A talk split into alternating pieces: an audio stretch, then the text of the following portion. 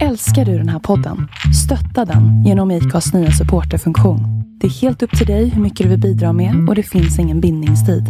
Klicka på länken i poddbeskrivningen för att visa din uppskattning och stötta podden. Say hello to a new era of mental health care.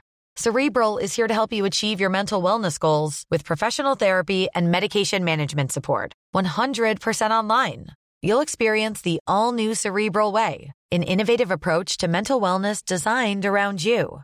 You'll get a personalized treatment plan from a therapist, prescriber, or both in a safe and judgment free space. Your cerebral therapist or prescriber will outline a customized plan with clear milestones along the way so you can get to feeling your best. With Cerebral, you're not alone in your mental health journey. We're here to empower you to live a fulfilling life. So take that first step towards a brighter future and sign up today at cerebral.com slash podcast and use code ACasts to get 15% off your first month. Offer only valid on monthly plans. Other exclusions may apply. Offer ends July 31st, 2024. See site for details. Hey, I'm Ryan Reynolds. Recently, I asked Mint Mobile's legal team if big wireless companies are allowed to raise prices due to inflation. They said yes. And then when I asked if raising prices technically violates those onerous two year contracts, they said, What the f are you talking about, you insane Hollywood ass? So to recap, we're cutting the price of Mint Unlimited from $30 a month to just $15 a month. Give it a try at mintmobile.com slash switch. $45 upfront for three months plus taxes and fees. Promo for new customers for limited time. Unlimited more than 40 gigabytes per month. Slows. Full terms at mintmobile.com. Hej och välkomna ska ni vara till ett nytt avsnitt utav två låtar och en kändis. Sveriges mest tongivande podcast och denna gång så har vi också en extremt tongivande gäst faktiskt. Därför att veckans gäst är svensk damhandboll personifierad och med sina 11 år som proffs utomlands har hon också blivit en av de allra största och bästa damhandbollsspelarna i världen. Hon har gjort 224 A-landskamper och på dem gjort 846 mål. Hon har dessutom blivit utsedd till Sveriges bästa handbollsspelare inte mindre än fyra gånger. Hon har spelat 15 internationella mästerskap och hon är två gånger Champions League-mästare. En gång också cupvinnarcupmästare, fyra gånger svensk mästare, tre gånger rumänsk ligamästare, tre gånger rumänsk cupmästare, en gång dansk mästare, två gånger dansk cupmästare, en gång fransk mästare och en gång norsk mästare. Dessutom med ett cupguld. Och nu är hon åter hemma i Sverige med Lugi som klubbadress. Detta mina kära vänner gör att jag nu i sedvanlig ordning och med största stolthet och respekt vill presentera svensk damhandbollsdrottning Isabelle Bella Guldén. Tack. Hur har du hunnit med allt det här? Ja, det lät eh, mycket när, när du började rabbla upp det. Och det är väl först nu egentligen när jag är 34 som jag kan eh, börja njuta av alla de här grejerna som, som jag har varit med om. Mm. Mm. Vi ska komma in mycket mer på detta såklart. Men just nu så vill jag ju fråga, hur står det till med Bella Guldén en dag som denna? Ja men eh, det är lite ont i knäna, spelade match igår eh, uppe i Skövde och eh, ja, en två månaders bebis så att eh, lite trött också som man kan se under ögonen. ja, du, eh, det är ju helt fantastiskt därför att eh, jag hörde väl någonstans eller läste att sex dagar efter födseln så var du ute på träningsplanen igen. Ja, det är väl en överdrift. Jag var på, i hallen var jag eh, och skulle väl köra men eh, bara komma igång liksom. Men jag började väl träna ordentligt eh, ja, efter nyår skulle jag säga, fullt handboll. Mm. Men nu är du tillbaka i full form? Eh, det är jag absolut inte, men jag är tillbaka och fort går det inte. Man märkte igår när, eh, när man kommer liksom vid sidan av en spelare och den börjar växla upp att det är ett tag kvar till, till den formen där man har varit. Men du ska tillbaka? Det ska jag. Härligt. Du, Bella, du är ju numera Skånebo. Ja, vi hamnade där nere när vi valde att flytta hem. Vi har, jag har en syster som bor i Lund så att, eh, och mannen är ju från Skåne. Så att, eh, vi hamnade där nere. Mm. Det ska vi också komma in mer på senare. Men den här podden den handlar ju förutom om din karriär såklart också en del om ämnet musik. Och jag tänker att musik är ett ämne som berör oss alla människor på ett eller annat sätt. Hur berör den dig? Ja, men om man ska se till eh, sporten så använder man ju det extremt mycket. Det, det har alltid varit eh, extremt mycket musik i omklädningsrummet. Det är det som gör att man taggar till innan matcherna. Vi står och, eh, oftast och sjunger men för mig har det egentligen redan börjat från när jag var liten. Vi är, är, jag är från en familj som älskar att sjunga. Eh, det är bara min syster som kan sjunga men vi andra älskar att sjunga. Så att vi har alltid haft musiken i bilen och det har alltid varit extremt mycket slager och vi bara sitter och sjunger. Eh.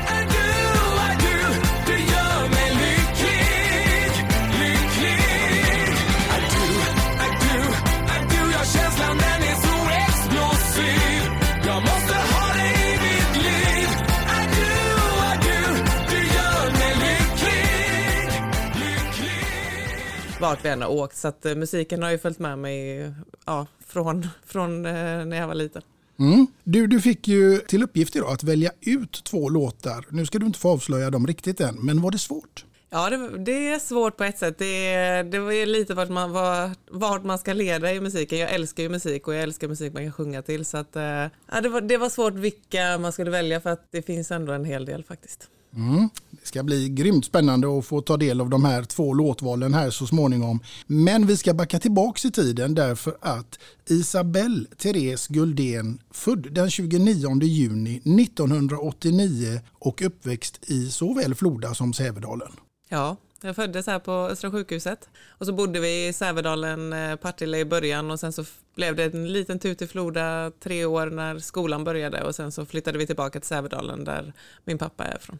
Mm. Hur skulle du beskriva din uppväxt? Men väldigt bra uppväxt. Vi är tre syskon, tajt emellan, det är två år emellan, jag är äldst. Men väldigt lugn och harmonisk, mycket idrott. Väldigt, väldigt mycket idrott. Jag var med min pappa överallt när jag var liten och bara satt och, och kollade när han spelade korpen, fotboll och allt vad det var och bandy och så, och sen så när skolan började så var det lite tuffare. Började, när jag bodde i Floda så var jag lite mobbad. Liksom. Så det var lite jobbigare men annars så en väldigt bra uppväxt. Mm. Jag läste just det där om att du var mobbad som liten. Ja, alltså jag var lite retad för att jag var eh, lite större då så att jag blev retad för tjockis så det var väl några i parallellklassen som, som gillade att, att påpeka det. Så att det, var, det var lite tufft och jag kommer ihåg att man grät lite så när man kom hem men jag tror inte att jag berättade det för mamma och pappa utan det var något som, som fick följa med bara. Mm. Men är det så också inom eh, damidrotten att det är väldigt mycket fixering på hur man ska vara och se ut? Ja, det är det väl äh, egentligen i, generellt äh, i hela, men i idrotten är det ju mycket det blir ju, en, alltså kroppen är ju ens eh, verktyg på något sätt så det är klart att det spelar någon roll och det är ju samma där att man alltid har liksom kanske varit lite större då än, äh, än vad man kanske ska vara och sådär. Äh, men äh, ja, det, det, har också varit min styrka att det, det, är så jag har spelat handboll och det är då det har varit bäst när jag har spelat att använda den tyngden. Liksom. Mm, jag tänkte just säga här, på den positionen som du spelar så, så krävs det ju nästan att man har ett paket muskler. Ja, och det var ju en period när jag gick ner alldeles för mycket för att jag, ja, det spårade ut lite liksom. Och då, då flög jag ju runt på plan och typ skadade mig och, och då tappade jag ju hela min spelstil. Så att, eh, det var bara att äta upp sig igen till, till den matchvikten som, som var bäst för mig. Mm, absolut. Mm. Ja, du kommer ju ifrån eh, en familj med ett efternamn som förpliktigar in i, i svensk idrott och med både pappa Peter och Eh, det blir ju då alltså din farbror också, Christer Guldén, Eh, brottare i Örgryte. Ja, precis. Att, eh, det var extremt mycket tid i brottningslokalen. Eh, började ju vara med i brottningen och värmde väl mest upp. Jag har brottats, jag tror jag har gjort tre tävlingar eller någonting. Men sen så när jag började handboll istället så blev det att jag följde med till brottningslokalen, värmde upp och så stod jag och tränade finter istället. Så att eh, eh vi var ju i brottningslokalen i princip varje helg, syskonen och sys syrran satt i fönstret och lekte med dockor och jag och brorsan var var på, på brottningsmattan. När kom handbollen in i livet? Jag tror jag började när jag var sju. Eh, då körde pappa mig, ja då bodde vi faktiskt i Floda, men han körde mig till eh, Vallhamra. Så att jag började i Sävehof, gjorde en träning och blev helt frälst. Vi var uppdelade, det var 88 på ena sidan och 89 på andra och redan andra träningen tror jag att jag fick gå upp och prova med de som var ett år äldre och ja, nej, jag var fast. Jag älskade det verkligen från första sekund. Mm. Ja, det har vi ju kunnat följa sen. Ja. Men du, det blev ju många framgångsrika år i Sävehof. Ja, verkligen. Och det är ju min moderklubb och det är ju en förening i Sverige som, som är den största eh, och lyckas ju år efter år och ja, men, göra rätt saker. Eh, så att, eh, jag är väldigt glad att jag började där och att jag fick fortsätta där hela tiden. Mm. Du var blott 17 år när du debuterade i elitserien med Sävehof. Ja, det blev ju väldigt tidigt. Eh, Blomman då, Björn Blomqvist som var tränare, tog upp mig, eller först började han att säga att eh, om du ska komma upp hit så måste du vilja spela försvar och jag sa ju alltid, men jag vill spela försvar. Nej, det vill du inte. Du, du vilar i försvar. Så att, eh, ska du komma upp hit så får du börja spela försvar. Så det var tack vare han att jag också kunde spela försvar senare i, i handbollskarriären för där hade jag bara stått och vilat innan. Mm. Du, ehm, du har som sagt var en eh, meritlista som är eh, svårslagen. När du tittar tillbaka på allting som du har gjort fram tills idag, hur, hur känns det och hur ser du på det?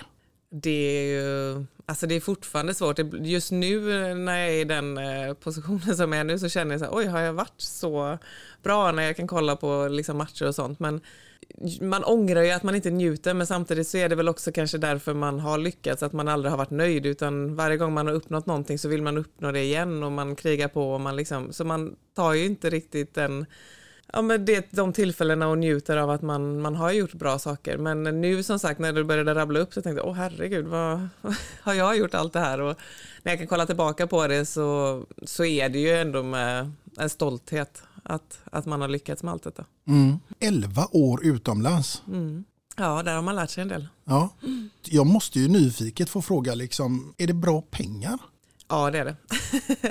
Nej, men, eh, inte om du skulle jämföra med fotbollsvärlden eller ishockeyn så är det inte det. Men för att vara en tjej i, eh, ja, men i sportvärlden så är det ändå helt okej pengar. Det är inte så att jag kan leva på det resten av mitt liv. Men jag har tjänat eh, bra. Mm. Mm. Ja men det är härligt, det vill man ju höra, att ska, för så ska det ju vara, annars så kanske man inte stannar 11 år utomlands heller. Nej, och det kan jag ärligt säga, alltså mitt sista år i Frankrike vill jag egentligen bara bort. Eh, jag trivdes inte alls, jag mådde inte speciellt bra, men jag hade fått min, eh, min första son då. Och eh, då var vi ändå så här, ja men jag kan lika väl då sitta på bänken här och, och, och ett år till för att det är så bra betalt. Eh, nu fick jag ju spela och, och, vi tog oss även till en Champions League-final det året så det blev ju bra ändå men eh, ja, det, mm. där var ändå pengarna en avgörande faktor. Men det fanns också de stunderna i proffslivet när löningen inte kom och spelare drog iväg. Ja, så har det också varit. när vi spelade i Rumänien och eh, man hade ju hört det innan. Eh, så att, eh, men eh, vi fick första lönen och sen så dröjde det lite innan eh, andra kom.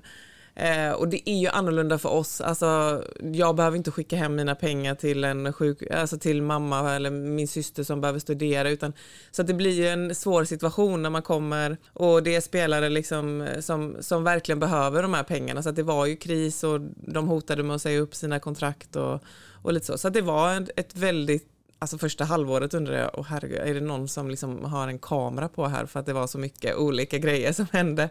Men eh, nej, sen till slut så fick de faktiskt ordning på det och då kom de. Det var någon gång den var sen igen men då meddelade de att ni får halva nu och så får ni halva nästa månad. Mm. Ja, ja. ja, men just det där är intressant som du säger med proffslivet är att en, det är ju för en del eh, alltså, sjukt. De försörjer ju en hel släkt en del.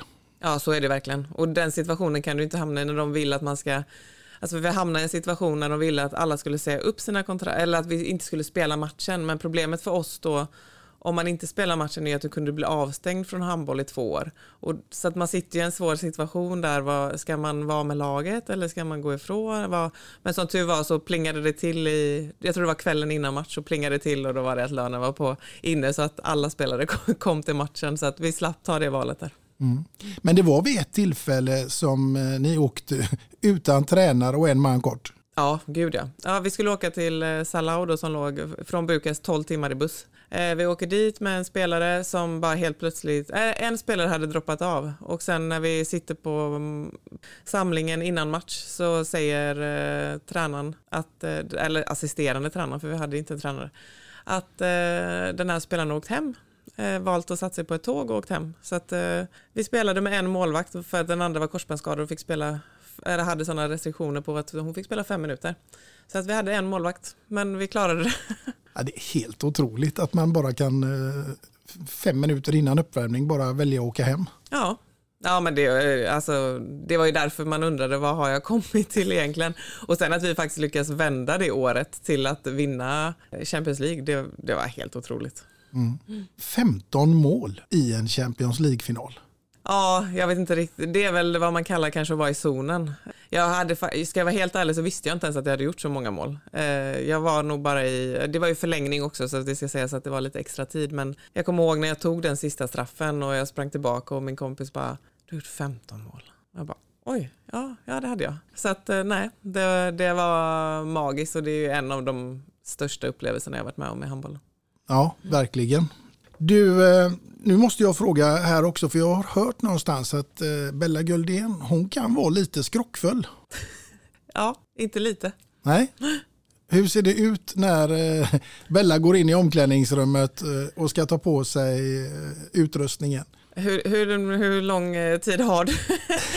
eh, nej men jag är extremt, för det första så har jag liksom ätit på ett visst sätt precis innan matchen. Eh, jag har alltid ätit spagetti och köttfärssås.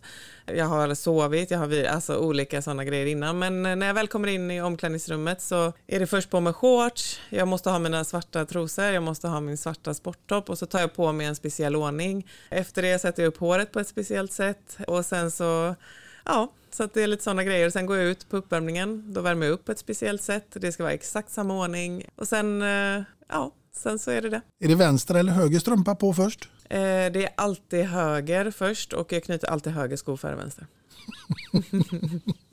ja, men det är underbart. Man har ju vissa sådana där grejer. Men så, så riktigt sån är jag inte i och för sig. Nej, men det blir, och det, nu har jag ju märkt att jag börjar ta på Lias när jag tar på hans skor. Så när han vill stoppa i vänster först så bara nej, nej, nej, nej, höger ska på först. Så att nej, jag har fortfarande lite grejer kvar men jag har ändå börjat trappa ner det lite. Men jag har i alla fall alltid saker som jag oftast kan påverka själv. Mm. Mm. Du, om vi återgår lite grann till musikens tecken och samtidigt håller oss kvar i idrotten så vill jag ju fråga, har du någon sån här speciell musik som du väljer att tagga till till inför en match eller så? Ja men det ska vara musik som man kan sjunga till. Jag gillar liksom, jag är inte sån som du vet går in i mig själv och måste fokusera och du vet du kan inte få kontakt med mig utan jag har alltid varit sån, jag vill kunna vara avslappnad, jag vill kunna skratta, helst då skrika till musiken. Eh,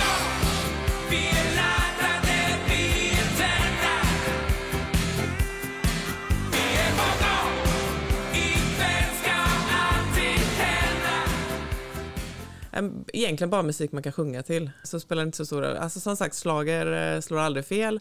Men även alltså, de låtarna som ligger, eh, ja, inte just nu kanske i toppen för det är väl lite mer, det har förändrats eh, musikstilen lite kanske. Så att, men ja, bara du kan sjunga till det. Mm. Du, om vi backar tillbaka bandet till när du var liten sådär så tänker jag att jag vill fråga dig vad som egentligen är ditt absolut första minne till musik som du kan komma ihåg från en sån där tidig, tidig ålder? Ja, men vi har ju alltid sjung, sjungit väldigt mycket i bilen, men det jag kan komma ihåg är ju, som sagt, jag sa att min syster kan sjunga och vi kom inte överens jättebra när vi var små, men just att typ stå och sjunga var ändå en grej som vi gjorde tillsammans. Hon fick alltid då ta front road och så fick jag stå i bakgrunden och liksom vara bakgrundsdansare, men hon, då var det antingen Madicken vi sjöng till då fick jag vara Madicken och hon fick vara eh, Elisabeth där. Och så, men också Ronny och Ragge faktiskt. Den här eh, Ja, jag behöver inte sjunga nu. Jo, men, då får du bjuda på en liten snutt där. Så då stod vi och sjöng och då hade vi liksom dratt ner så vi, jag hade häng då och så var hon, ja men det vet den här.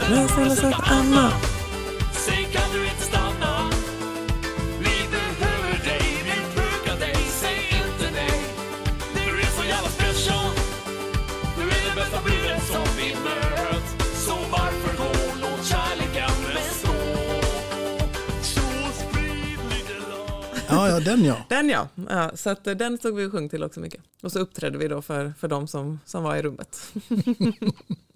Vilket underbart minne ändå. Ja, men det är verkligen det jag kommer ihåg. Mm. Vilken var då den absolut första plattan, för det får man väl säga, CD-skiva på din tid antar jag, som du köpte för egna pengar? Oj, det kommer jag inte ihåg, men det var nog alla de här Absolut Music eller vad de hette. Jag kan nog inte komma ihåg exakt. Ja, Aqua hade jag också.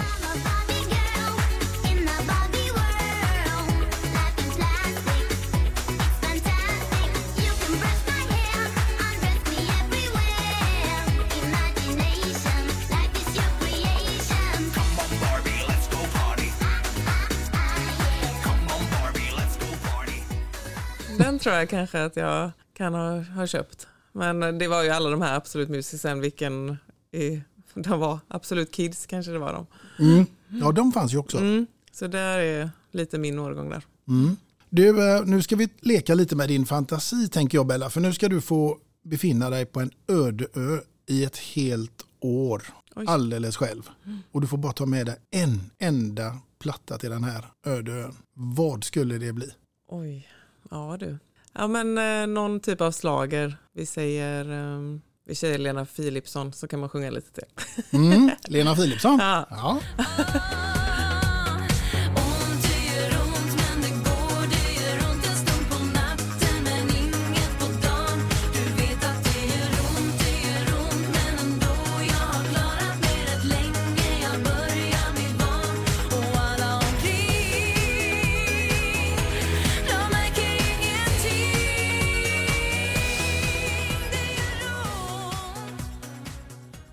Är texterna viktiga för dig?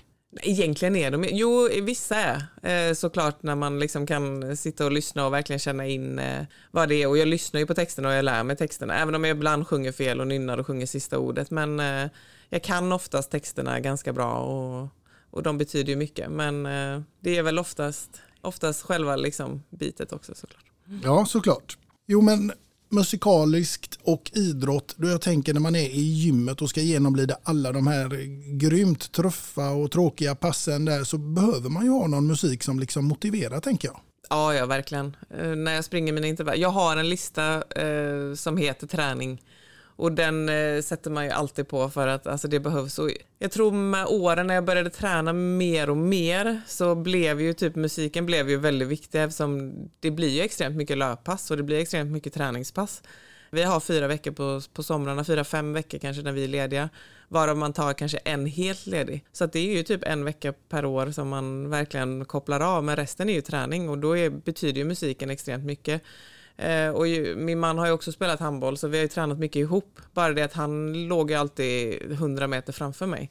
Så då hade man ju musik i öronen oavsett. Så att det är väldigt viktigt att kunna peppa igång till det och jag brukar ändå kunna ha sån sån musik som, som också, alltså där texten faktiskt kanske säger någonting, liksom att det kan vara typ, ja men world's greatest eller alltså sådana grejer, så, ja, men nu, nu, nu, jag ska fan bli bäst här nu eller det är ingen annan som springer så nu springer jag och liksom, alltså så att eh, musiken har ju betytt mycket även i träningssammanhang.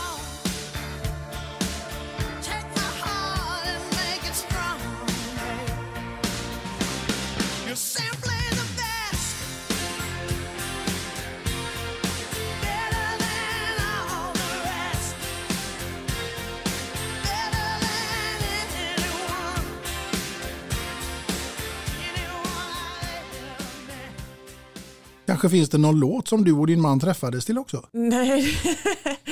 Nej, det finns inte. Vi träffade, han har ju som sagt också spelat handboll så det är ju det igenom. Men äh, ja, när vi började se så var det ju här nere på Avenyn äh, någon, äh, någon kväll.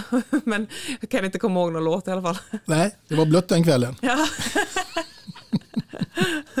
Nej, men ni är en handbollsfamilj och jag misstänker att eh, ni är vinnarskallar både du och din man.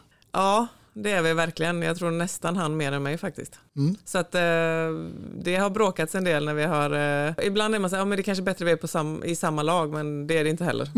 han har slått ett, eh, han gjorde, sa att han inte gjorde det med mening, men han har slått en eh, badmintonboll i bakhuvudet på mig för att jag inte slog den tillräckligt mycket på min mamma när vi spelade mot mamma och pappa. Så att eh, det är på den nivån. Varav jag eh, sprang därifrån. Man känner igen sig lite. Ja, men är vi mot varandra så är det också, det är inte heller bra. Så att, Nej. Nej, men det krävs väl lite att vara en bra vinnarskalle för att ta sig framåt? Ja, så är det ju absolut. Eh, man behöver ju ha den inställningen och det märker man ju nu när man kommer och bara ska spela fotboll. Och man kan, alltså, vi spelar ju oftast, fotboll är ju det bästa sättet att värma upp när man är handbollsspelare. Så att, eh, och där är det ju krig. Jag kommer ihåg i Sävehof när vi hade Bagan, eh, Magnus Johansson som tränare. Då, då var han alltid med i unga laget och då var man ju med där själva. Vi slutade inte spela förrän vi ledde så det var perfekt. Så vi unga vann ju alltid.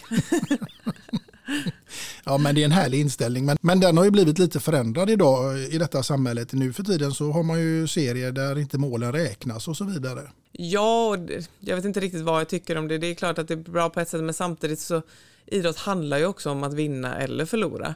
Sen så bryr man sig ju inte så mycket om det. Alltså jag kommer inte ihåg, jag har inte vunnit mycket turneringar när jag var liten eller så här och det, det är ju inte det som är kanske det viktiga när jag, alltså när jag var liten på så sätt utan då kommer man ju, även om jag var ledsen kanske när vi förlorade någon final eller när jag inte, vi gick till B-slutspel, alltså det är klart att jag var ledsen när jag förlorade matcherna men samtidigt så var det ju hela upplevelsen av att kanske vara nere i Lund på Lundaspelen där, där du vet man, man åkte buss tillsammans med, något, med pojkar eh, 89 eller 88 eller sådär liksom. Så att jag tror på något sätt att det var upplevelsen men ja, så att jag vet inte, man behöver ju också lära sig det för det är ju det, det, är ju det som är sen när man ska ta sig hela vägen och, och bli elitspelare. Absolut, jag tänker att idrotten är ju en, en fostran också där man får lära sig att förlora. Jag, jag, jag tycker det är ett jätteviktigt inslag i det hela.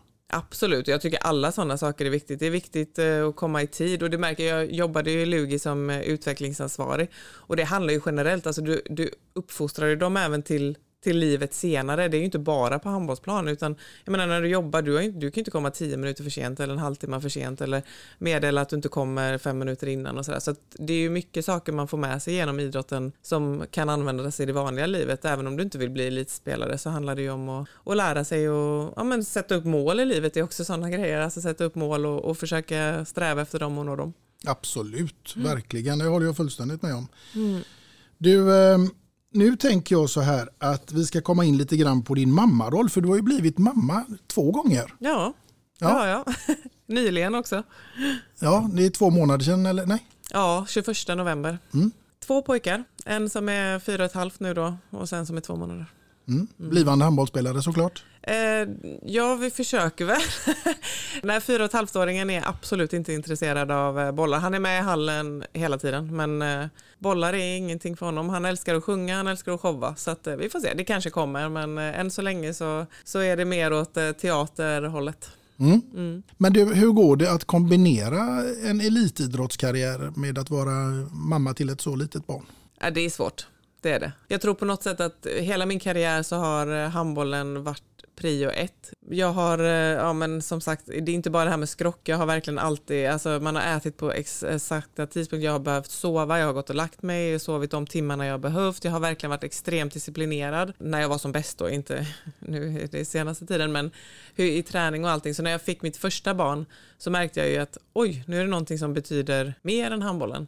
Så att det var liksom svårt att hela tiden kunna följa de rutinerna och då blev det liksom att man halkade efter lite. Så att eh, vissa blir bättre för Mm. att eh, vissa klarar och alltså vissa läggs, då försvinner kanske den pressen från axlarna men jag har aldrig känt det på det sättet. Jag har aldrig varit nervös inför en match eller aldrig känt liksom så på något sätt så tror jag att jag har ja, när jag väl fick, blev mamma så, så blev jag en sämre handbollsspelare tyvärr. Men samtidigt så fick jag ju något annat. Mm. Ja, ja, det det man har ju ett liv så att säga. Ja, och det är ju svårt. Alltså, det är som nu inför matchen i, igår. Så, ja, då har man varit vaken. Man somnade kanske klockan tio eh, och så vaknar man eh, första gången klockan två och sen så vaknar man igen klockan sex och så vaknar man igen och sen så ska man upp och, ä- och åka upp dit och så sätter man sig i bilen och, och ammar i 20 minuter och hoppas att eh, han ska klara sig eh, under matchen liksom och tuttarna sprängs och man hinner inte pumpa ut innan matchen och efter så, ja, så att det är ju extrem eh, stor alltså, skillnad eh, från att bara kunna ladda på sitt eget sätt. Mm. Ja, det förstår jag. Du, eh, nu Isabelle så är det faktiskt så att vi börjar att närma oss ditt första låtval som jag är extremt nyfiken på vad det skulle kunna vara och med vem och såklart också varför. Ja, ska jag berätta det? Ja, det tycker jag. Eh, nej, men den första låten jag har valt är Be the One med Dua Lipa. Och den har jag ju valt för att eh, det är, när vi spelade Champions League-finalen så var bara den här låten, sista som jag berättade om det var en extremt kaosartad säsong. Men just typ sista två månader med det här laget var helt fantastiskt. Och just denna låten blev på något sätt någonting som vi samlades kring. Och när vi, jag kommer bara ihåg hur vi, vi var ju helt underdogs i det här, eh, det var ingen som trodde på oss och vi hade ju varit jättedåliga egentligen fram till kvartsfinalerna. Men eh, när vi bara typ sitter i bussen för det första, drar på den, alla står och sjunger, vi kommer in i omklädningsrummet, den sätts på igen och alla står och skriker och alltså det är så här, det är ingen nervositet, det är ingen spänning, det är alltid avslappnat och alla bara står och sjunger. Så att den betyder ju extremt mycket för mig och har ju, ja, men är ju det största som hänt i min handbollskarriär. Då tycker jag vi tar och kör den.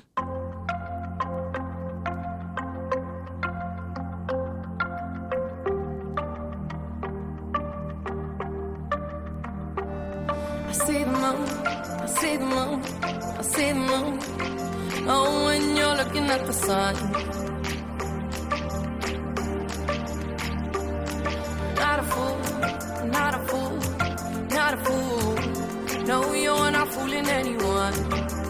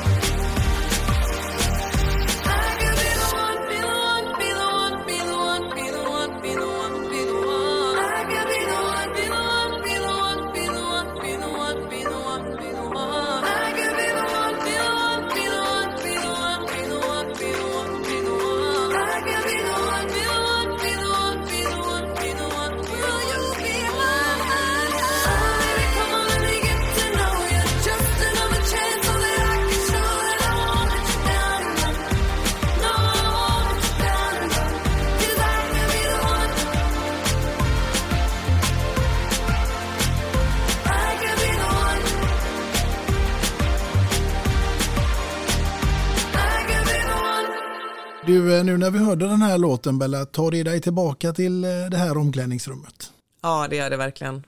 Det är en sån känsla som, ja, men jag kommer ihåg alltså hur, vi, hur alla bara står och skriker. Alltså man hörde knappt musiken från spelaren för att alla kan låten och alla bara står och gapar och liksom, ja, så att eh, nej, den känslan är fantastisk. Man vill bara tillbaka till Ja, det är underbart. Ja. Selling a little or a lot? Shopify helps you do your thing however you cha-ching. Shopify is the global commerce platform that helps you sell at every stage of your business. From the launch your online shop stage to the first real life store stage, all the way to the did we just hit a million orders stage. Shopify is there to help you grow. Shopify helps you turn browsers into buyers with the internet's best converting checkout. 36% better on average compared to other leading commerce platforms because businesses that grow grow with Shopify. Get a $1 per month trial period at shopify.com/work. shopify.com/work. Say hello to a new era of mental health care.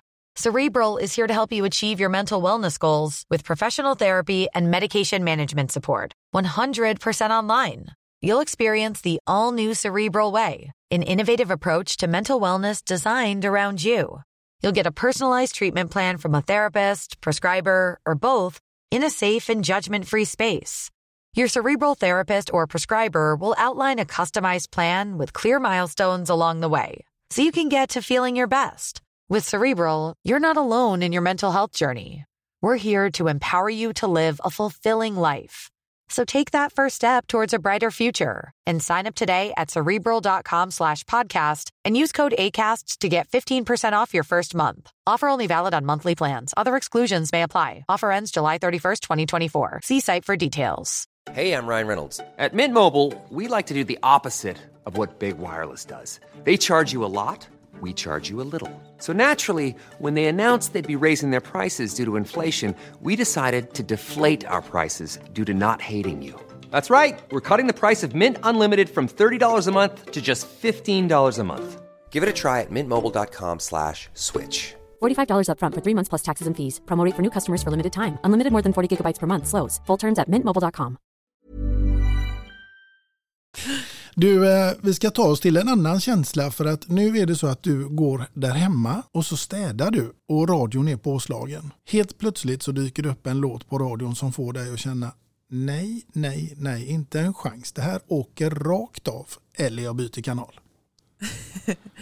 Ja men det skulle väl vara kanske någon techno eller någonting. Jag kan inte säga exakt vilken låt. Eh, jag gillar ju som sagt väldigt mycket olika låtar. Men när det är bara dunka dunka och ingen text då, då får jag byta kanal. Då byter du kanal. Då byter jag kanal. Ja. det Dunka, stämmer dunka, då åker det av helt enkelt. Ja, Och när Kjell Elvis Uppling skrivit Fett kontrakt med Skaraberg Och det Bella, det var ju signalen för fem snabba. Mm. Känner du att du är redo? ja det är jag. Ja, då börjar vi. Den första lyder, vara bäst bland de sämsta eller sämst bland de bästa? Bäst bland de sämsta. Bäst bland de sämsta. Ja. Parkeringsböter 30 dagar i rad eller surströmming till frukost 30 dagar i rad. Parkeringsböter. nu har jag inte smakat på men jag har bara sett när folk har öppnat. Ja, det räcker. ja, det räcker. Du, fråga tre lyder, kunna se in i framtiden eller kunna ändra på det förflutna? Nu skulle jag nog eh, ändra på det förflutna. Vara syster till Leif och Billy eller fru till Ove Sundberg i Solsidan?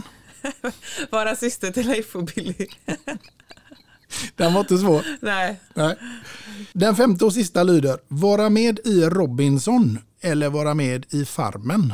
vara med i Robinson men samtidigt så gillar jag inte djur överhuvudtaget så att det hade nog inte klarat farmen men samtidigt så alla de här ins- Nej, men jag tar nog Robinson ändå. Det hade varit kul, ett kul äventyr. Mm.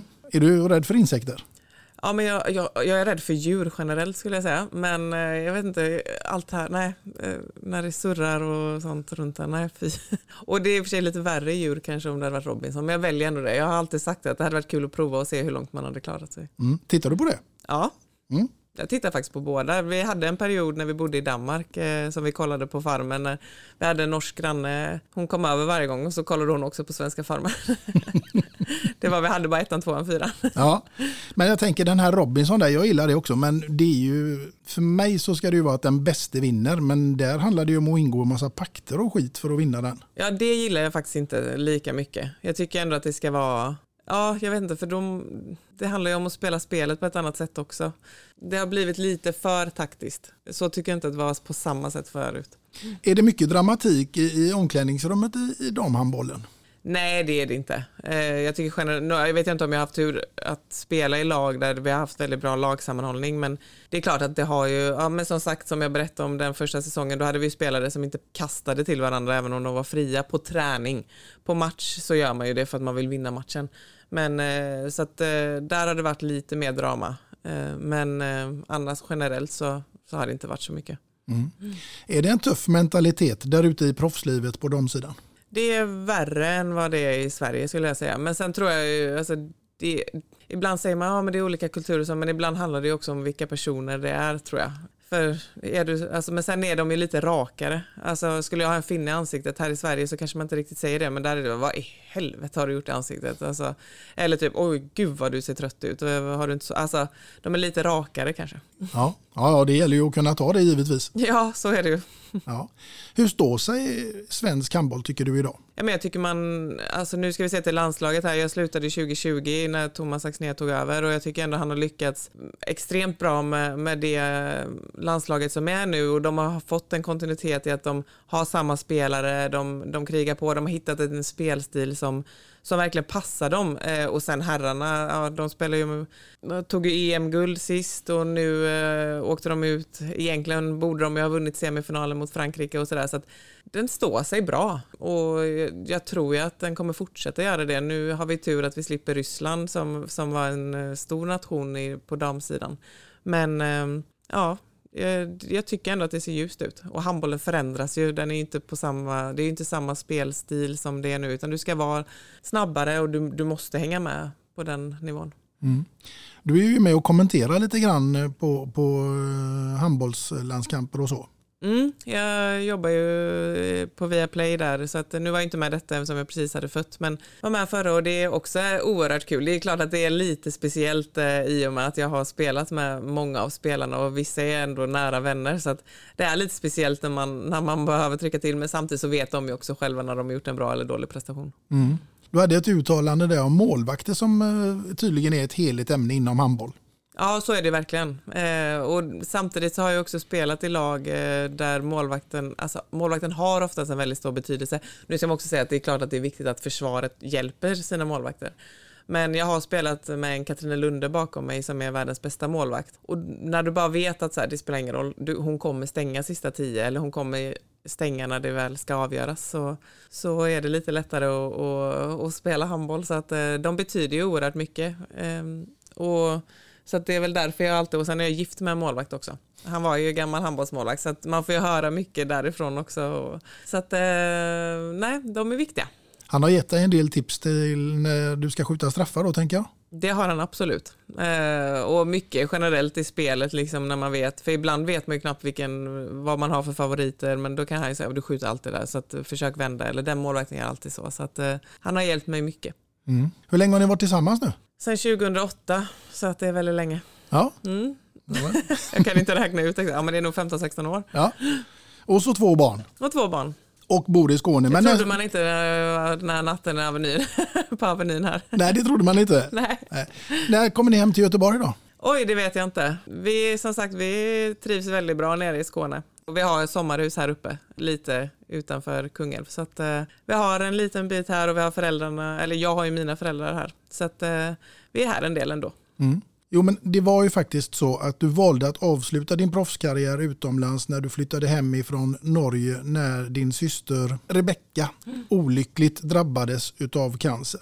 Ja, det gjorde jag. Var det just för att hon bodde i eh, Lund som ni valde att flytta hem? Nej, det var det ju inte. Det är klart att det är en eh, anledning till, eh, alltså en av anledningarna. Men när jag flyttade hem så, så de klubbarna som jag hade kontakt med, det var två här i Göteborg och så var det två nere i Skåne, eh, så var det just Lugi som kom med den bästa helhetslösningen för både mig och familjen. Och sen att hon bor så nära och kunna ha henne så nära är ju väldigt, väldigt skönt. Speciellt då, då blev hon ju precis blev hon ju cancerfri hon blev helt cancerfri på sommaren men hon fick ändå beskedet om att det var liksom på paus då, eller vilande, eh, redan innan vi flyttade hem. Men då hade vi redan tagit beslutet. Men speciellt nu när, när det har kommit tillbaka, då är det oerhört skönt att bo där nere. Mm. Ja, I det läget så spelar ju handboll kanske inte så stor roll längre. Inte alls och det är en av de första gångerna som man verkligen känner det och hela den säsongen var ju, man ville ju vara med på alla mötena och man ville ju kunna finnas ifall att det skulle vara någonting så, så att jag var ju, pendlade ju väldigt mycket fram och tillbaka. Mm. Ja, det förstår jag verkligen. Du, vi ska ta oss faktiskt tillbaka till musiken och eh, det här scenariot. Du är nämligen i final i Let's Dance. Och nu vill jag veta med vem du hade dansat och till vilken låt nu det här hade fått utspela sig. Och här ska tilläggas, det är bara fantasin som sätter gränserna. Du får dansa med precis vem du vill. Oj. jag hade dansat med... Jag hade nog valt att dansa med Zlatan. och eh, till... Eh, hmm, vi hade valt någon sån här bra... Ja, men en Disney-låt hade vi dansat till. För då hade, tror jag att jag hade tagit hem flest röster och vunnit. Jaha, vilken Disney-låt skulle det här kunna vara? Ja, men det kan vara... Vi tar Lejonkungen.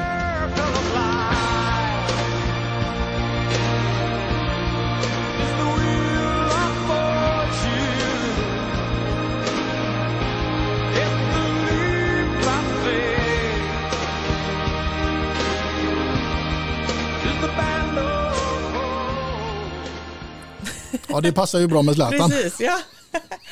För då tänker jag, då hade jag dragit hem flest röster eftersom det är Sverige. Jag tänker att det var svenska Let's Dance som var med. Mm. Ja, den, den, den tror jag till och med Tony Irving hade gått eh, bananas på faktiskt. Jag vet inte hur bra dansen hade sett ut. Det tror jag hade varit alldeles utmärkt. Du eh, Bella, igår faktiskt innan vi skulle träffas här idag så lyssnade jag på ditt eh, sommarprat i P1 och det var ju från 2019. Men det var väldigt, väldigt rörande att höra delar av ditt liv där. Ja, tack. ja, men det var jättesvårt när jag fick den frågan. Så var jag så här, men jag har ingenting att prata om. Så att jag var väldigt nära på att typ tacka nej för att jag tänkte så här, vad ska jag få ut? Men sen så får man ju hjälp av eh, en producent så att det blev ju bra och det var ändå viktiga frågor att, att ta upp. Men när man börjar skriva ner eh, hela livet, eh, man har ju kortat ner det såklart, men ja, det, det var väldigt kul att få göra, alltså få vara med om det. Mm. Händer det att folk kommer fram till dig på stan och vill ta lite bilder och, och prata handboll och sådär? Inte lika mycket nu. Eh, Det var ju mer när man var med i landslaget. Nu har det inte varit så mycket. Eh, Men det är ändå, ibland, speciellt kanske när man är här, i, mer i Göteborg och i Partille så är det väl lite mer. Mm. Ja, hur känns det när du kommer hem till Partille? Ja men det är ju det är bra, det är ju kul på ett för när man är i Skåne så är det inte, man känner ju inte lika mycket folk på samma sätt som om jag skulle gå på Allum när man ändå kan känna igen, ja men man ser i alla fall en man känner. Eh, så att det är klart att det är annorlunda och man, man kan ju, det var ju som nu när man, när man kommer hit så är det ändå så här, man hittar vägen, man hittar vart man ska och man, ja det är på ett annat sätt. Medan där nere får man använda GPSen en del. Ja, men så är det. Du, ehm, jag måste ju fråga dig såklart, även om du har fått den frågan hundra miljoner gånger. Men vad är ditt absolut bästa minne ifrån din karriär? Ja, men jag har ju några stycken, eh, men mitt absolut bästa är ju nog Champions League-finalen eh, 2015. Men det finns ju också, alltså för 2014 så tog vi ett EM-brons. Och jag menar bara för att uppleva en medalj med ett landslag, nu tog vi ju silver 2010 eh, som också var underbart. Guldén! Bästa stället, naturligtvis. Visa att man drar ut i hörnet och istället lägger man det mellan benen. Det är ju inget tvivel om att det här är ju hennes turnering. Hon är i sin allra, allra bästa form. Ganska tung höst i Viborg med mycket spel. Men här har hon blommat ut helt. Men just 2014 var jag verkligen i min livsform och jag spelade ett väldigt, väldigt bra mästerskap. Så på något sätt så betyder den medaljen också, båda medaljerna betyder, men att få spela och få ta medalj för sitt land, det, det är svårslaget också. Så att det är klart att den betyder ju oerhört mycket även om det, det nu var en bronsmedalj och inte en guldmedalj. Men det är också någonting som jag verkligen tar med mig. Så en från landslag och en från klubblag. Mm. Ja, helt underbara minnen. Ja, det är fantastiskt. Ja. Det är samma där. Då, då på tal om musik så gjorde vi ju om, eh, gjorde vi faktiskt skrev vi om en låt så vi skickade till Viktor Frisk och Samir Badran vi skickade, fick svar från Viktor Frisk om vi fick använda deras, eh, kommer inte ihåg exakt vilken det var men jo, den, eh, så vi skrev om den i alla fall, att vi ska till Budapest och lite sånt. Ja, vad var detta för låt då? Ja men det är den, eh, nu, nu kan jag den ju bara på vårat sätt. Ja, Vi ska, så gör dig redo. Eh, Vilken är det? I- Ikväll är det Success eller något sånt. Heter. Så den skrev vi om så att den blev eh, perfekt så vi gjorde om den till vår egen. och den följde med er under resan? Ja, och vi hade med liksom allas namn i den så att alla skulle liksom få vara med och så spelade vi med den och så, ja, nej, det, det var fantastiskt. Ja, det kan jag verkligen tänka mig. Du, vem skulle då kunna få skriva sången eller visan om Bella Guldén? Oj, det, ja, men det får väl bli någon eh, som känner mig som bäst kanske. Eh, nej, men just nu så kanske jag hade sagt att det är nog min syster i så fall. Ja, hon, ja, hon känner ju dig så det skulle ju kunna bli en riktigt Ja. bra låt. Men eh, ja, nej, vi får se. Ja. Du, eh, du nämnde ju Lejonkungen här förut. Mm. Och det, jag tänker att du kan det här med sagor va? Ja, nu har jag läst en del nu Ja. senaste. Ja. Då ska vi nämligen ta oss till ett scenario nu i sagornas värld. Men vi ska bege oss till eh, Snövit och de sju dvärgarna. Och där finns det ju sju olika karaktärer. Det är ju då alltså kloker, toker, trötter, butter, glader, blyger och prosit. Och nu ska du Bella få möjligheten att dela ut den här karaktären till respektive lagkamrater eller motspelare som du har mött under din långa karriär. Och då vill jag ju undra naturligtvis, vem av alla skulle du vilja ge epitetet kloker? Det hade jag gett till eh, Karin Strömberg eh, som jag spelade med i landslaget på min position. Ja, men hon, är, hon är klok, hon är väldigt smart, hon eh, läser historia, allting sånt. Så jag skulle ge det till henne. Karin Strömberg får den. Mm. Vi tar oss från kloker och tills dess raka motsats och det blir ju en toker. Ja, men det skulle jag nog kunna ge till eh, Jamina Roberts som jag också spelade med i landslaget. Eh, och det är nog, vad många kanske inte ser så är hon eh, extremt rolig, extremt rapp i, i käften och kan komma på kommentarer och hitta på det mesta liksom. Så att det skulle jag kunna ge till henne. Hon får den, Jamina får den. Mm. Vi tar oss ifrån Jamina och toker till en eh, trötter. Nathalie Hagman på den. Vi tar bara landslaget här nu känner jag. eh, nej men det är nog Nathalie Hagman. Hon sov, eh, de gillar att sova länge i det rummet. Ja. Om de fick så ville de helst kanske skippa frukosten. Nathalie Hagman, hon är trötter. Ja, Ja. Vi tar oss ifrån Nathalie och trötter till en butter. ja men då tar vi också en gammal landslag, eh, Linnea Torstensson eh, som var vänsternia i landslaget och eh, ja, men hon, alltså, det gick inte att få kontakt med henne efter, eh, efter en förlust. Liksom. Hon var eh, riktigt arg. Och hon var också en sån, liksom, vi hade den relationen att hon, vi kunde typ stå och skrika på varandra. Och hon, var liksom, hon var bäst när hon var arg eh, och eh, hatade verkligen att förlora. Mm. Linnea får den. Du, vi tar oss ifrån butter och tills dess eh, raka motsats och då blir det ju en glader. Ja, mm, då ska vi hitta någon. Nej, men vi har spelat med många som är... Jag skulle väl kanske, Gladex kanske jag ska säga, Johanna Wiberg som också var med i landslaget en period, en försvarsgeneral. Hon var alltid glad. Det spelade liksom ingen roll. Hon eh, smällde på folk men hon var alltid lika glad ändå. Eller blev, eh, ja, hon var alltid den som fick upp stämningen. Ja, det är härligt med sådana. Ja, hon är assisterande nu i landslaget. Ja, Assisterande tränare. Det kan ju behövas lite glädje. Ja, Ja. Du, eh, om vi tar oss ifrån glader till eh, en blyger. Ja, men då kanske jag skulle kunna ta Linn Blom som också är landslaget.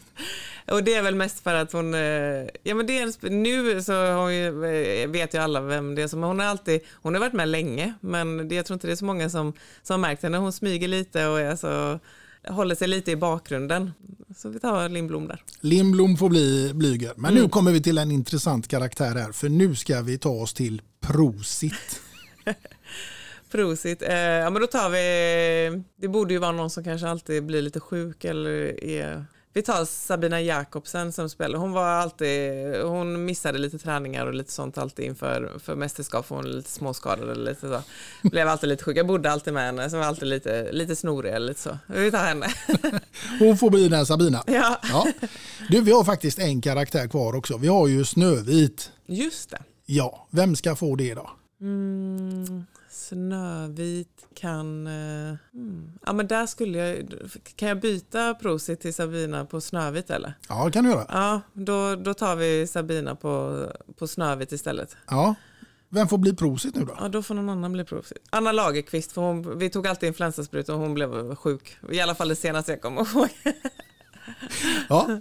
Ja, det här var, gjorde du bra. Det var inte så lång betänketid du behövde på de här karaktärerna. Nej, men det var lättare att hålla sig till de jag spelat med i landslaget. Ja. Kan innebära att det kommer några samtal sen när den här podden är släppt. Ja, vi får se.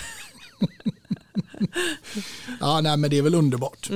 Du, nu ska vi ta oss ifrån sagornas värld till ett middagsbord. Och eh, då är det så Bella att du ska få ha en eh, gäst, vem som helst, bara fantasin som sätter gränserna. Men du ska också bjuda den här gästen på middag och sen så ska det också vara en låt som ligger där i bakgrunden till den här fantastiska middagen. Och då vill jag ju veta såklart vem gästen hade varit, vad du hade bjudit den här gästen på och vilken låt som nu fick ligga där. Oj, jag tror faktiskt jag har fått frågan någon gång om eh, middag så, um, och då tror jag jag tog så Will Smith, men det vill jag inte ha nu. Ehm, ja, men jag eh, hade nog kunnat tänka mig att äta middag med, eh, vi tar Beyoncé. Mm. Mm. Spännande. Ja, så tänker jag att hon kan lära mig att dansa. Mm. Mm. Men jag tänker inte att vi, jag vet inte riktigt vilken låt vi skulle lyssna på. Jag gillar ju, just när man äter middag så gillar jag ju att ha lite mer lugnare musik. Och jag, just nu så är jag väldigt stort fan av den Josefin, så vi tar den i bakgrunden. Hon dansar som en virvelvind Vet precis vad hon gör när hon smeker din kind Du svävar fram aldrig för så lätt Säger jag du ser den får ligga där. Mm. Och eh, vad hade du nu bjudit på till middag då? Eh, Jag, eh, i, i vår familj så har vi liksom våra olika rätter vi lagar. Eh, Linus är väldigt bra på att laga mat. Jag har blivit bättre. Men just nu är min favoriträtt egengjord pasta pesto. Där jag gör peston då från grunden.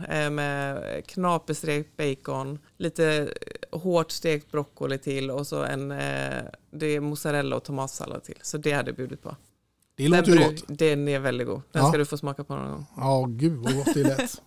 Nästan så jag blir sugen på att åka och handla här nu. Ja, Nej, men den är fantastisk. Ja, den här, jag hade kunnat äta den varje dag tror jag. Mm. Du, vad hade du ställt för fråga till henne då? Vilken hade varit din första fråga till Beyoncé? Var maten god? Nej, jag hade... Nej, gud, oj, det vet jag inte ens vad jag hade kunnat ställa för fråga till henne. Men eh, om hon hade kunnat lära mig dansa. Mm.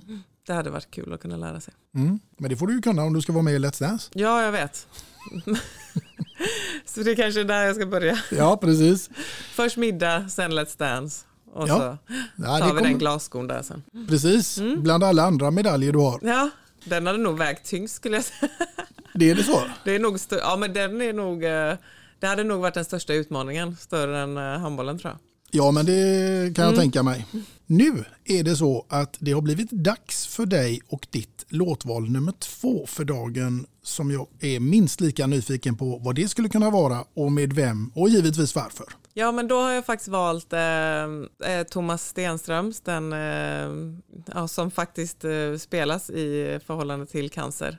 Och den har jag ju valt för att, eh, ja men eh, på grund av eh, min syster och den har ändå blivit lite sån, när jag ibland är tungt för att jag har stängt av känslorna mycket. Eh, hon vill att man ska leva livet, fort, försöka leva livet så mycket som möjligt men ibland så slår det ju en och när jag sitter i bilen då och, och denna kommer på så, så betyder det mycket och betyder också hur mycket, hur glad jag är varje dag liksom, som jag får ha henne i livet. Och låten heter Ser du månen där du är ikväll?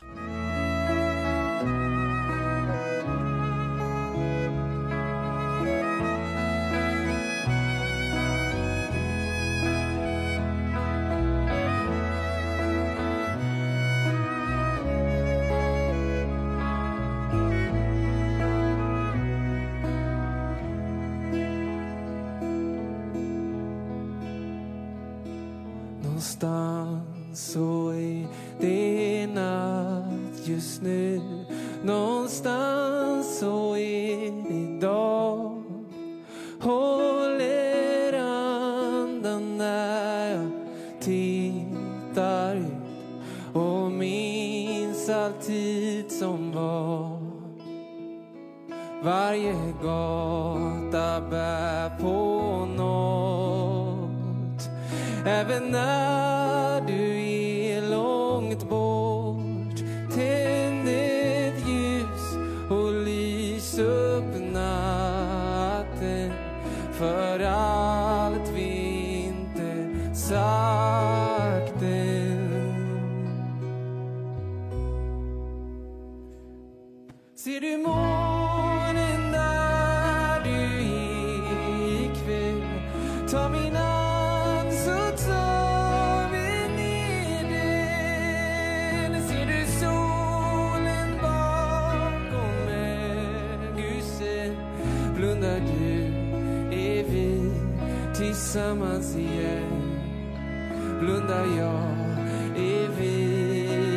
tillsammans igen.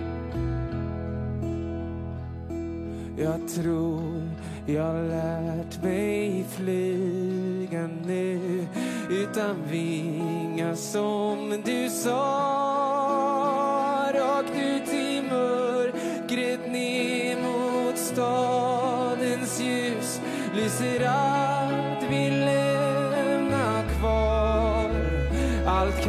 Försvinna på en sekund.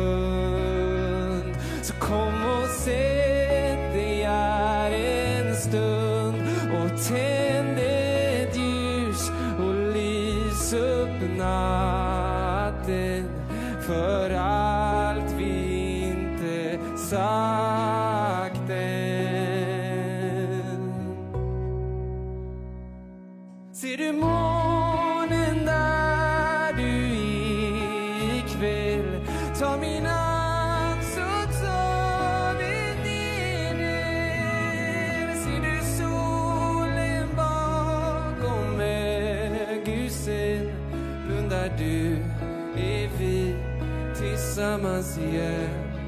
Blundar jag är vi tillsammans igen.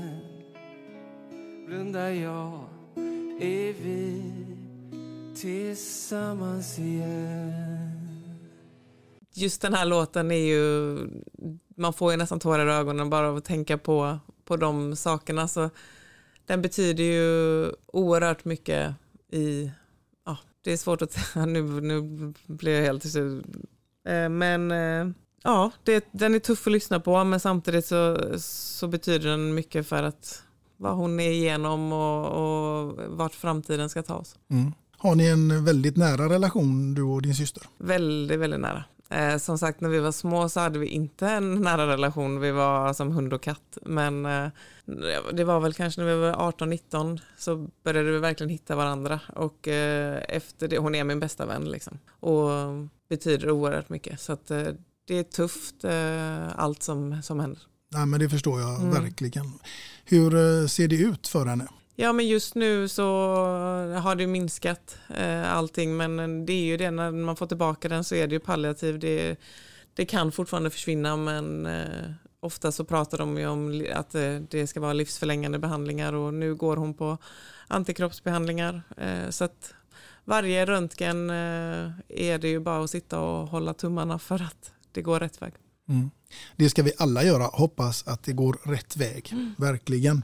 Du, eh, nu är det så eh, spännande här eh, Bella att jag tänker fråga dig om du hade varit i min roll och haft den här podden, två låtar och en kändis. Vem hade varit din favoritgäst? Min favoritgäst, nej men någon som alltid bjuder på sig själv. Som, ja, det, det kommer bli, det är en upplevelse att få ha med, det tror jag är Louis Sand. Han eh, har extremt mycket, ja men eh, frispråkig, eh, bjuder på mycket, bjuder på sig själv och är en eh, oerhört härlig person. Mm. Ja, men jag tar det tipset på allvar här nu. Jag- får nog kontakta eh, Louis här tror jag. Ja, det tycker jag du ska göra. Det, det är alltid spännande, man vet aldrig, aldrig vad man får ut. Nej. Vad kan vi förvänta oss av Bella Guldén här i framtiden? Har du några storslagna planer på gång? Jag har ju alltid bara haft handboll, handboll, handboll i huvudet. Jag har inte pluggat vid sidan, jag har inte gjort något. Och eh, jag är fortfarande, nu börjar det ju lida mot till slut va? Jag har ett år kvar på mitt kontrakt. Jag älskar att jobba med barn. Har alltid velat jobba med barn. Började läsa lite till lärare, eh, men eh, gick inte att kombinera med handbollen. Så att jag vet inte. Just nu har jag ju börjat studera inköp och eh, upphandling. Eh, så får se om det leder till någonting eller eh, vad, vad jag ska ta mig till. Jag har lite tid som sagt kvar att tänka på det och Så får vi se. Men fortsätta inom handbollen kommer jag att göra på ett eller annat sätt. Jag älskar att vara expert och kommentera handboll, men jag älskar också utvecklingen av handboll. Jag älskar att, att följa ungdomar. Så att jag gillade ju det jobbet jag hade i Lugi innan. Mm. Träna ungdomar kanske? Ja, träna, kanske bara vara någon eh, som kan se till att eh, tränarna sköter sig och eh, löser det. Nej, men eh, någon, någon typ av utveckling. Eh, inte, jag kommer ju säkert, eh, om då mina barn börjar spela, kanske träna dem, men på något sätt kanske lite äldre åldrar och, och kunna hjälpa till där. Och, för att på något sätt så är, sätter du ju, alltså det är ju väldigt viktigt med grunder. Eh, och kan du börja tidigare med dem och lära dem eh, passningsteknik och, och de sakerna som jag anser vara viktiga i handboll tidigt så tror jag att du kan, kan komma långt och, och, och hjälpa dem. Mm, verkligen. Du, eh, vad innebär ordet livskvalitet för Bella Guldén? Jag älskar mat. Så att eh, god mat, alltså det, det behöver inte vara, jag är ingen sån som är ute på restauranger och äter eh, och liksom så, utan för mig är en hemmakväll där vi lagar gott och eh, myser i soffan och ja, kanske något glas vin, rödvin då.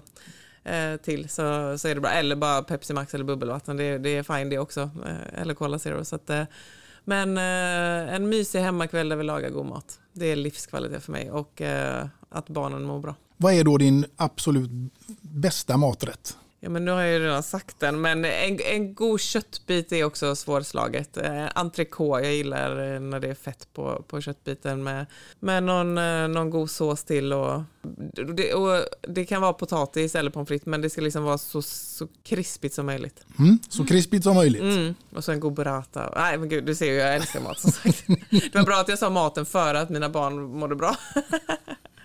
Ja, nej, men det är såklart viktigt. Mm. Verkligen. Du, nu tänker jag att jag ska fråga dig hur dina morgonrutiner ser ut. För de är jag lite nyfiken på nu efter allt det här. Ja, men nu ser de ju väldigt annorlunda ut. Eh, I vanliga fall så är det liksom gå upp, eh, laga eh, någon typ av gröt eller smoothie och något ägg till. Men eh, just nu så kan ju, det kan vara att jag äter frukost klockan halv nio och det kan vara, men det absolut viktigaste är ju att jag får i mig mitt kaffe. Det är det ja. Men det är ju fantastiskt bra för jag tänkte att jag ska få be och bidra med någonting här till dina morgonrutiner. Och det är faktiskt en kaffemugg, ja det skulle ju kunna vara en temugg också. Med två låtar och en kändis och givetvis har du också då fått ditt namn ingraverat här på baksidan. Åh herregud, den här är fantastisk. Ja, den tänkte jag att du skulle få behålla som ett fint och trevligt minne ifrån den här fantastiska poddstunden som har varit så rolig och eh, fantastiskt kul att få ha med dig här som gäst. Det var jättekul att få vara med och den här kommer jag ju, just nu så hinner ju kaffet ibland bli kallt så att eh, det fylls på en hel del kaffe i den här ska det göra. Underbart. Du eh, Bella, ett jättestort tack för att du ville medverka här i podden och självklart önskar jag dig all lycka i framtiden och den övriga familjen också. Och framförallt i din handbollskarriär här också nu då, även om du spelar i Lugi. Ja, tack så jättemycket. Och till er kära lyssnare så säger jag ju självklart att ni får hänga med i nästa avsnitt och vem som sitter framför mig då, det återstår ännu att se. Men eh, tills dess så får ni ha det så bra där ute allihopa. Hej då! Hej då.